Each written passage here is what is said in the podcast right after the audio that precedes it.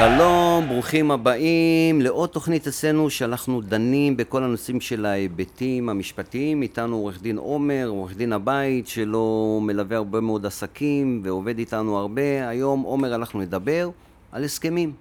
כבעל עסק, יש לי תמיד הסכמים, יש לי הסכמים עם ספקים, יש לי הסכמים עם לקוחות. והיום אנחנו נדבר על קצת הדגשים, מה לתת הדגש ומה לקחת בחשבון ברמה המשפטית, בהיבט המשפטי של הדבר.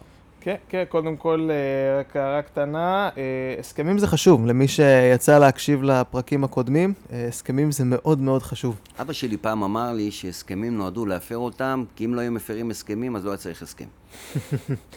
אבא שלך כנראה קצת צודק, אבל אני חושב שיותר משהם נועדו כדי להפר, הם נועדו כדי למנוע סכסוכים. אבל כן. אני קורא לזה אי-הבנות. אני תמיד, כשאני מגשר בין אנשים, אני אומר, בסדר, הוא הבין אותך לא נכון. Mm. הוא חשב שהוא הבין לא נכון. אבל בגלל זה אני אומר, הסכמים ככלל, ככלל, אני יכול להגיד לך משהו כיועץ, ואנחנו מדברים ככה על הנושא של הסכמים, גם מול ספקים, וגם מול זה, הוא צריך להיכנס לכמה שיותר דקויות, אבל keep it simple stupid.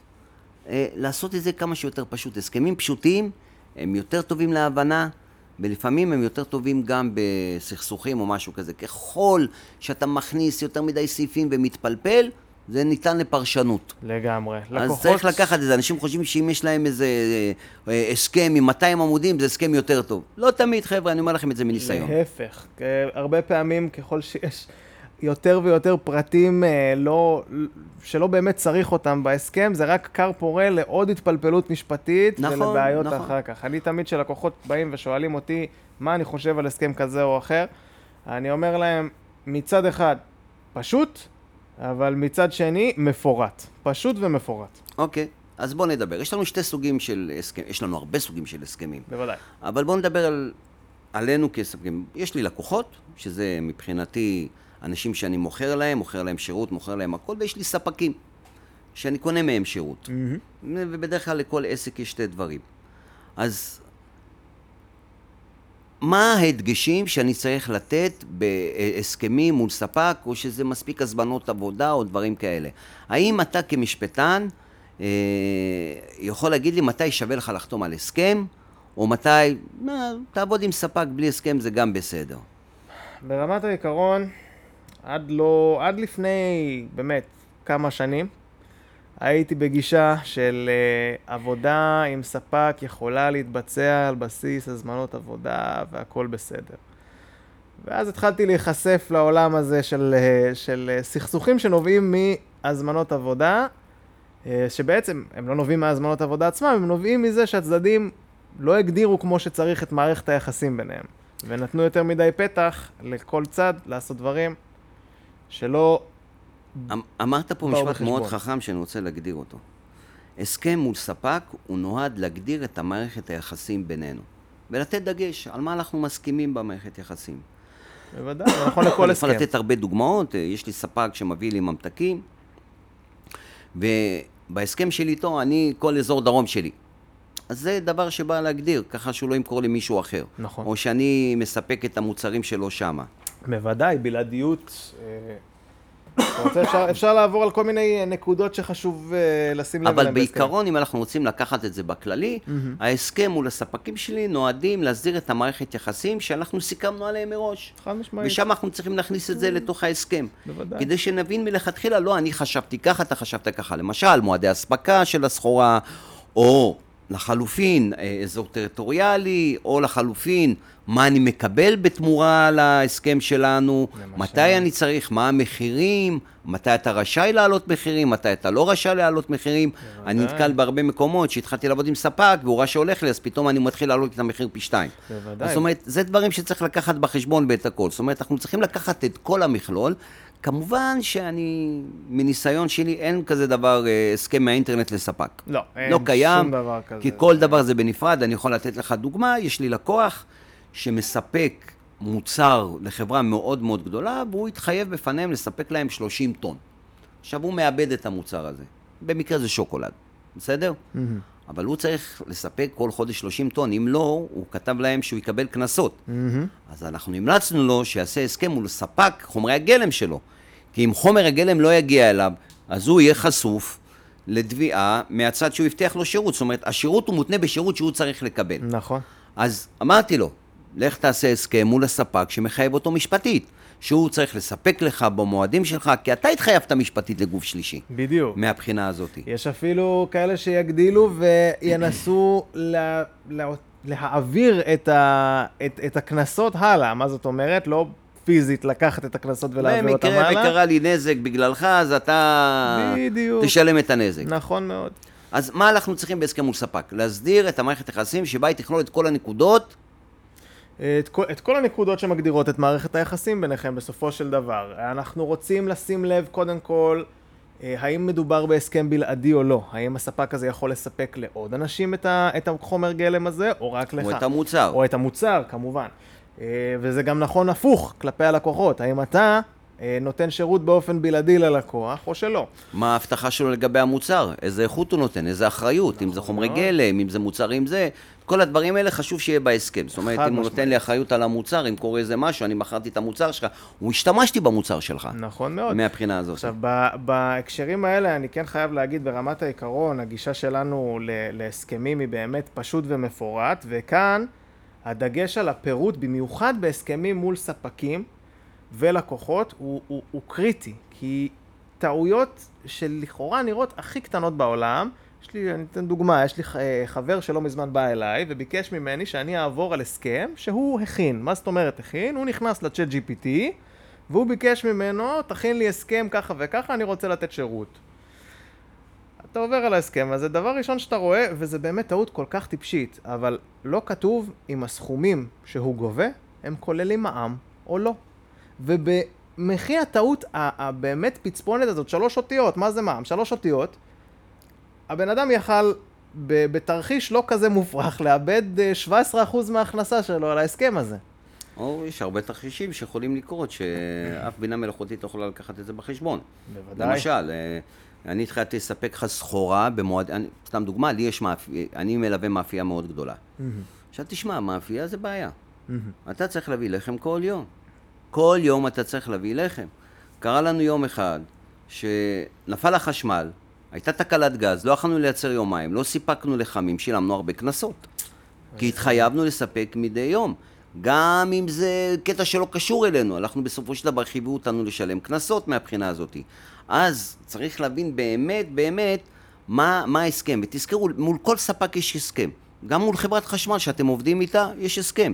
קורה תקלה לחברת חשמל, אתם יכולים לתבוע אותם על פי הסכם. יש הסכם לצריכת הדברים האלה. שימו לב, בדרך כלל גם ספקים, הם מחתימים אותך על הסכמים, אתה מתחייב לשלם לי ככה, אתה מתחייב לשלם ככה, אז להגדיר את המערכת יחסים מול הספק, בדיוק, אוקיי? בדיוק. אותו במה... דבר מול הלקוח. יש לך לקוח זאת אומרת, אם אתה חנות, אתה לא צריך הסכם מול בן אדם שקונה ממך מכולת, אה, חלב או משהו כזה, לא בוא תחתום הסכם. אבל אם אתה מספק שירות, אם אתה מספק מוצר שהוא ארוך טווח, אם זה לא עסקה חד פעמית, לעשות הסכם. גם בעסקה חד פעמית שהיא גדולה, לקחת עדיף. הרבה מרכיבים חבר'ה, לקחת משפטן איתכם, לקחת כלכלן איתכם, לפעמים הסכמים שאתם חותמים עליהם, אתם לא לוקחים הרבה אה, דברים בחשבון, אני יכול לתת לכם עכשיו, עכשיו כמה דוגמאות. מדינת ישראל, הוציאה מכרזים לעבודות תשתיות. עכשיו, בדרך כלל כשאתה בונה כביש, לוקח לך חמש שנים לבנות כביש, אוקיי? Mm-hmm. חתמו על הסכם, 50 שקל למטר לכביש, סתם אני נותן לך דוגמה. מה קרה בחמש שנים? קרתה קורונה, הדלק עלה פי שלוש, המחירים של העובדים עלו, הכל עלה, והמדינה אמרה לך, תתחיל לעבוד רק אחרי שנתיים, אחרי הקורונה, במחירים של הקורונה שחתמת לפני שנתיים.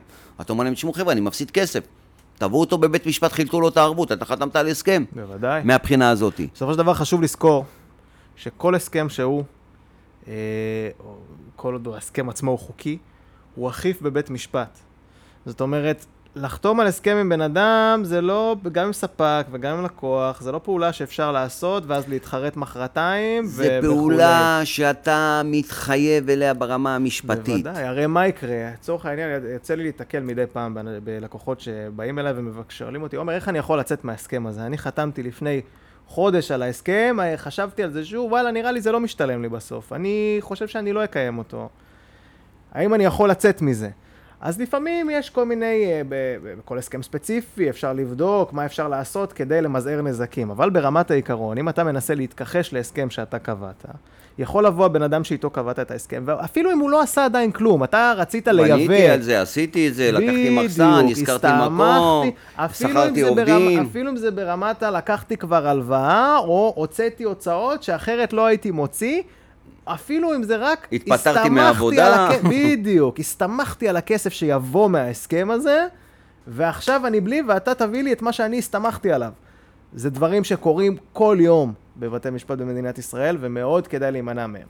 אז לפני שחותמים על הסכם, קודם כל חשוב מאוד לחתום על הסכמים. בוודאי. לפני שחותמים על הסכם, לקחת משפטן, לתת את ההיבט הפיננסי של ההסכם, mm-hmm. לתת את ההיבט המשפטי של ההסכם, וביחד להבין שאנחנו חותמים את ההסכם הנכון לנו. נכון הנכון מאוד. לנו, כי אין באמת בספקים ומול לקוחות, כל הסכם הוא אחר לגמרי. נכון. זה אמנת שירות, זה כתב שירות, זה דברים אחרים, אתה מתחייב, כל הדברים האלה, בדיוק. שימו לב. להסכמים יש... שאתם עושים. נכון מאוד, וגם פה יש באמת חשיבות לעורך דין שמבין בסוג ההסכמים הספציפי שאתם בתחום. מחפשים, או בתחום באופן כללי בוודאי, לצורך העניין. אה, אה, עורכי דין שלא עושים עסקאות בינלאומיות כמעט, ולא, אין להם עכשיו אה, לקוחות שיש להם ספקים מחו"ל, יכול מאוד להיות שהם יפספסו פרט שהוא מאוד קריטי, שאלה שהיא מאוד קריטית, שאלת האחריות בזמן המשלוח. לא מזמן יצא לי לטפל בבעיה של לקוח, שלא סגר את הנושא הספציפי הזה מראש. ובאמת, הוא הזמין משלוח, הוא הזמין משלוח של מתכות. המשלוח הייתה איתו בעיה תוך כדי, בספינה, עוד לפני שהוא הגיע בכלל אה, ליעד, הייתה שם בעיה, היה אובדן די גדול של רכוש, באמת, חלק לא קטן מהמשלוח לא שמיש. מי אחראי על זה? מי אמור לשאת בהוצאות האלה? הספק אומר, אני הוצאתי את זה מהנמל, אתה אומר, אני צריך לקבל את זה, באמצע יש עוד גוף שלא לקחתם בחשבון. בדיוק. עכשיו, מי שעורך דין שמבין בתחום, עורך דין שיש לו איזושהי מומחיות בתחום הזה, ידע להגיד לך מראש שבכל הסכם כזה יש מה שנקרא אינקוטרמס, אה, יש ממש אה, אה, אה, תנאים שמתייחסים בדיוק לדברים האלה, לשאלת האחריות, האם האחריות היא על הספק עד רגע האיסוף, או מהרגע שהוא בעצם שולח את זה באונייה, אתה כבר נהיה אחראי בתור זה שהזמין. יש ממש כללים מאוד מאוד ברורים שחייבים להכיר, ופה באמת נכנס, נכנסת המומחיות. אני חושב שנתת דוגמה מדהימה, וזה יכול לסכם לנו בקצרה את מה שאנחנו הולכים להגיד, כי אנחנו יכולים לדבר על הסכמים אה, חמש שעות, וניגע אפילו לא ב-0.0.0.0 מההסכמים. אז אם אני רוצה לסכם, חבר'ה, שעובדים עם הסכם, יש לקחת את כל ההיבטים, יש לקחת מישהו שמבין בתחום הזה של ההסכמים, כי הוא ייתן לכם נקודות שלא חשבתם.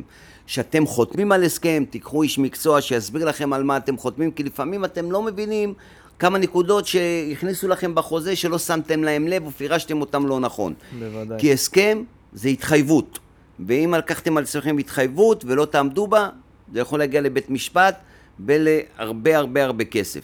אז יש הסכם, לחתום על הסכמים, לקחת עורך דין נכון לחתום איתם על הסכמים, למצוא מישהו שיש לו בתחום, לקחת את הצד הפיננסי של ההסכם כדי להבין, כי יש שם הרבה דברים של מימונים ודברים כאלה, אה, וביחד לבנות, כי הסכם הוא יחייב אתכם, והסכמים טובים יכולים להרים חברה, הסכמים רעים יכולים להפיל חברה או להפיל עסק. בדיוק. אנחנו פה בקבוצת המפתח, שמנו לנו ליעד להנגיש לכם כמה שיותר מידע. ותזכרו, מידע זה כוח. אז לפני שאתם חותמים על הסכמים, תבדקו את זה ברמה הכלכלית, תבדקו את זה ברמה המשפטית. גם עומר וגם אנחנו בקבוצת המפתח תמיד נהיה לכם לעזר ונשמח אם תיצרו איתנו קשר. אנחנו נשמח לענות לכם על כל שאלה ולתת לכם כל אינפורמציה שתמנע מכם מלעשות טעויות. אז תודה שהקשבתם לנו עומר, תמיד כיף לשמוע אותך ולדבר איתך. תודה כיף, כיף על זה, ויש לנו עוד הרבה, תקשיבו, יש לנו עוד הרבה תוכניות בדרך.